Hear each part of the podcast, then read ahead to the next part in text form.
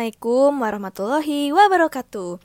Halo teman-teman semua, perkenalkan saya Randa Arnika bersama teman-teman saya Risma Ainun, Aulia Safiera, Paradita, dan Saifullah Putra dari kelas AKK 2020 FKM UNER.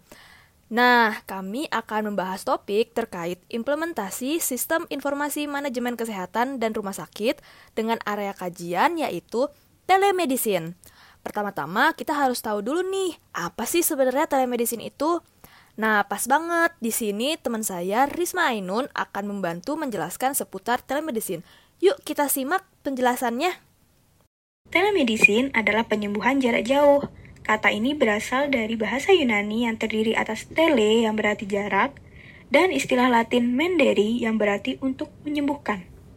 Dapat juga diartikan sebagai aplikasi medis klinis di mana informasi klinis disampaikan melalui teknologi telekomunikasi, internet, atau jaringan lain yang terdiri dari kegiatan konsultasi, diagnostik, atau pelayanan medis lainnya pada daerah pedalaman dan umum.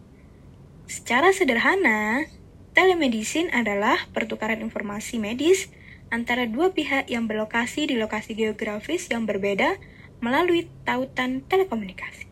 Nah, telemedicine ini berhubungan erat dengan e-health yang sebagian besar merujuk pada semua bentuk perawatan kesehatan yang tidak melibatkan interaksi fisik antara personel medis dan pasien.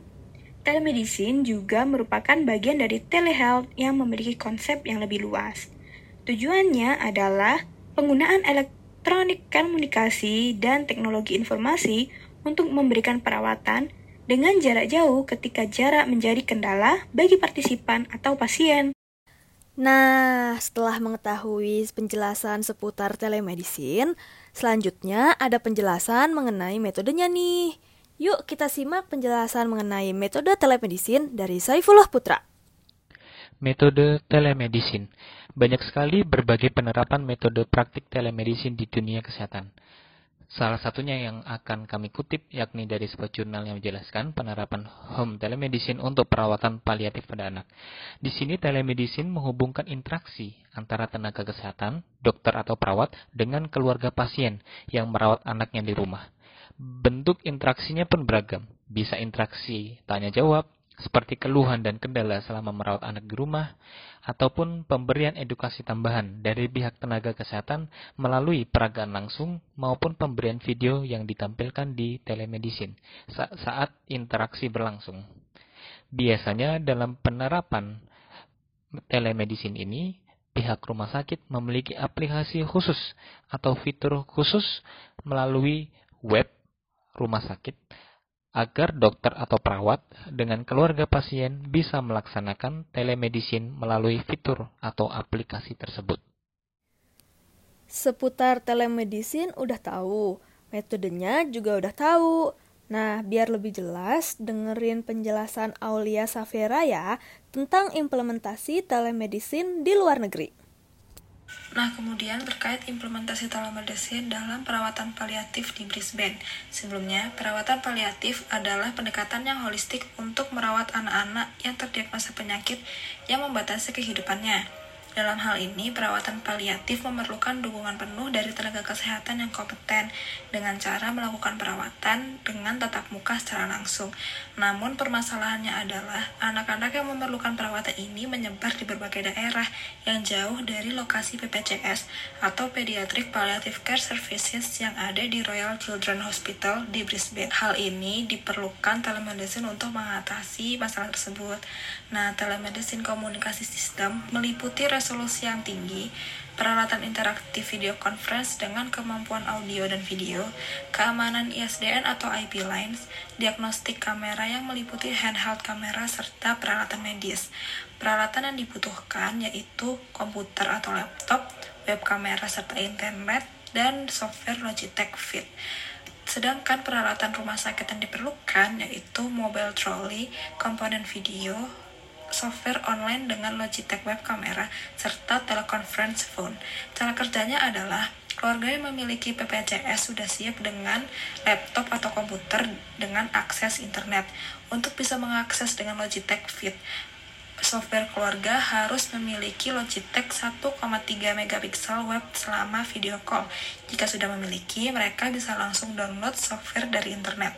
Kemudian, setelah keluarga tersebut menginstal software, mereka bisa login ke Logitech Fit menggunakan email yang sudah dikonfirmasikan dari rumah sakit. Masih bingung tentang implementasinya? Tenang ya, soalnya Faradita juga akan menjelaskan implementasi telemedicine. Bedanya dengan penjelasan dari Aulia, Faradita akan menjelaskan tentang implementasinya di Indonesia. Yuk kita simak. Nah, tadi sudah dijelaskan terkait implementasi telemedicine di luar negeri. Untuk di Indonesia sendiri, implementasi telemedicine merupakan salah satu bentuk pemanfaatan teknologi informasi dalam meningkatkan mutu pelayanan kesehatan. Adapun yang melatar belakangi pengembangan telemedicine Indonesia yaitu terbatasnya akses pasienkes di daerah terpencil, perbatasan dan kepulauan, kemudian jumlah dan distribusi tenaga medis, khususnya dokter spesialis yang belum merata, serta tingginya kebutuhan medis tingkat lanjut. Untuk konsep telemedicine sendiri diawali dengan rumah sakit yang diampu mengirimkan data yang berupa gambar ke pusat data. Kemudian data tersebut didistribusikan ke rumah sakit rujukan. Kemudian rumah sakit rujukan memberikan konsultasi serta integrasi EKG dan feedback ke pusat data yang dilanjutkan dengan pusat data mendistribusikan data dari rumah sakit rujukan ke rumah sakit yang diampu. Dalam semua prosesnya, pusat data melaporkan keseluruhan proses ke Kementerian Kesehatan. Dalam membangun telemedicine sendiri, pertama-tama kita harus menentukan lokus, kemudian membuat komitmen, yang dilanjutkan dengan penyediaan sarana dan prasarana, pelatihan SDM, dan yang terakhir menghubungkan vaskes pengampu dengan vaskes yang diampu. Berkenaan dengan program Indonesia Sehat, terdapat program optimalisasi sistem rujukan. Dalam mengoptimalisasikan sistem rujukan, maka dikembangkan SISRUTE atau Sistem Informasi Rujukan Terintegrasi. Sisruta hadir dengan latar belakang berbagai kendala yang dihadapi pelayan kesehatan seperti ruang perawatan penuh, lambatnya pelayanan awal di IGD, serta maraknya pemberitaan penolakan pasien. Sisruta merupakan media komunikasi dan informasi yang dapat menghubungkan data pasien dari tingkat layanan lebih rendah ke tingkat layanan lebih tinggi atau sederajat, vertikal maupun horizontal dengan tujuan dapat mempermudah dan mempercepat proses rujukan pasien. Sisrute diimplementasikan sebagai sistem rujukan berbasis kompetensi dengan mempertimbangkan kompetensi Fasiankes, mulai dari layanan, SDM, dan alat kesehatan yang dimiliki Fasiankes, sehingga memudahkan dalam proses rujukan pasien dan dapat mendukung pelayanan telemedicine. Setelah mendengarkan penjelasan tersebut, terdapat harapan untuk penerapan telemedicine ke depannya. Harapan yang bisa disarankan untuk mendukung penerapan telemedicine di Indonesia adalah mensosialisasikan standar sistem telemedicine yang merupakan bagian dari telehealth kepada Kementerian Informasi dan Teknologi. Ketersediaan Skype dan aplikasi audiovisual yang lain bisa dijadikan solusi telemedicine untuk diterapkan di daerah terpencil atau pendalaman. Dari penjelasan rekan-rekan saya, teknologi informatik dalam pelayanan kesehatan memiliki dampak yang besar pada peningkatan proses kualitas. Melalui bantuan teknologi telemedicine, tentu akan sangat membantu dunia kesehatan untuk semakin memberikan pelayanan yang berkualitas, efisien, dan memudahkan. Terima kasih banyak untuk teman-teman yang sudah mendengarkan podcast ini. Untuk teman-teman yang memiliki saran dan feedback, kami sangat menerima. Dan mohon maaf jika ada salah kata dari kami. Saya Randa Arnika, pamit undur diri. Wassalamualaikum warahmatullahi wabarakatuh.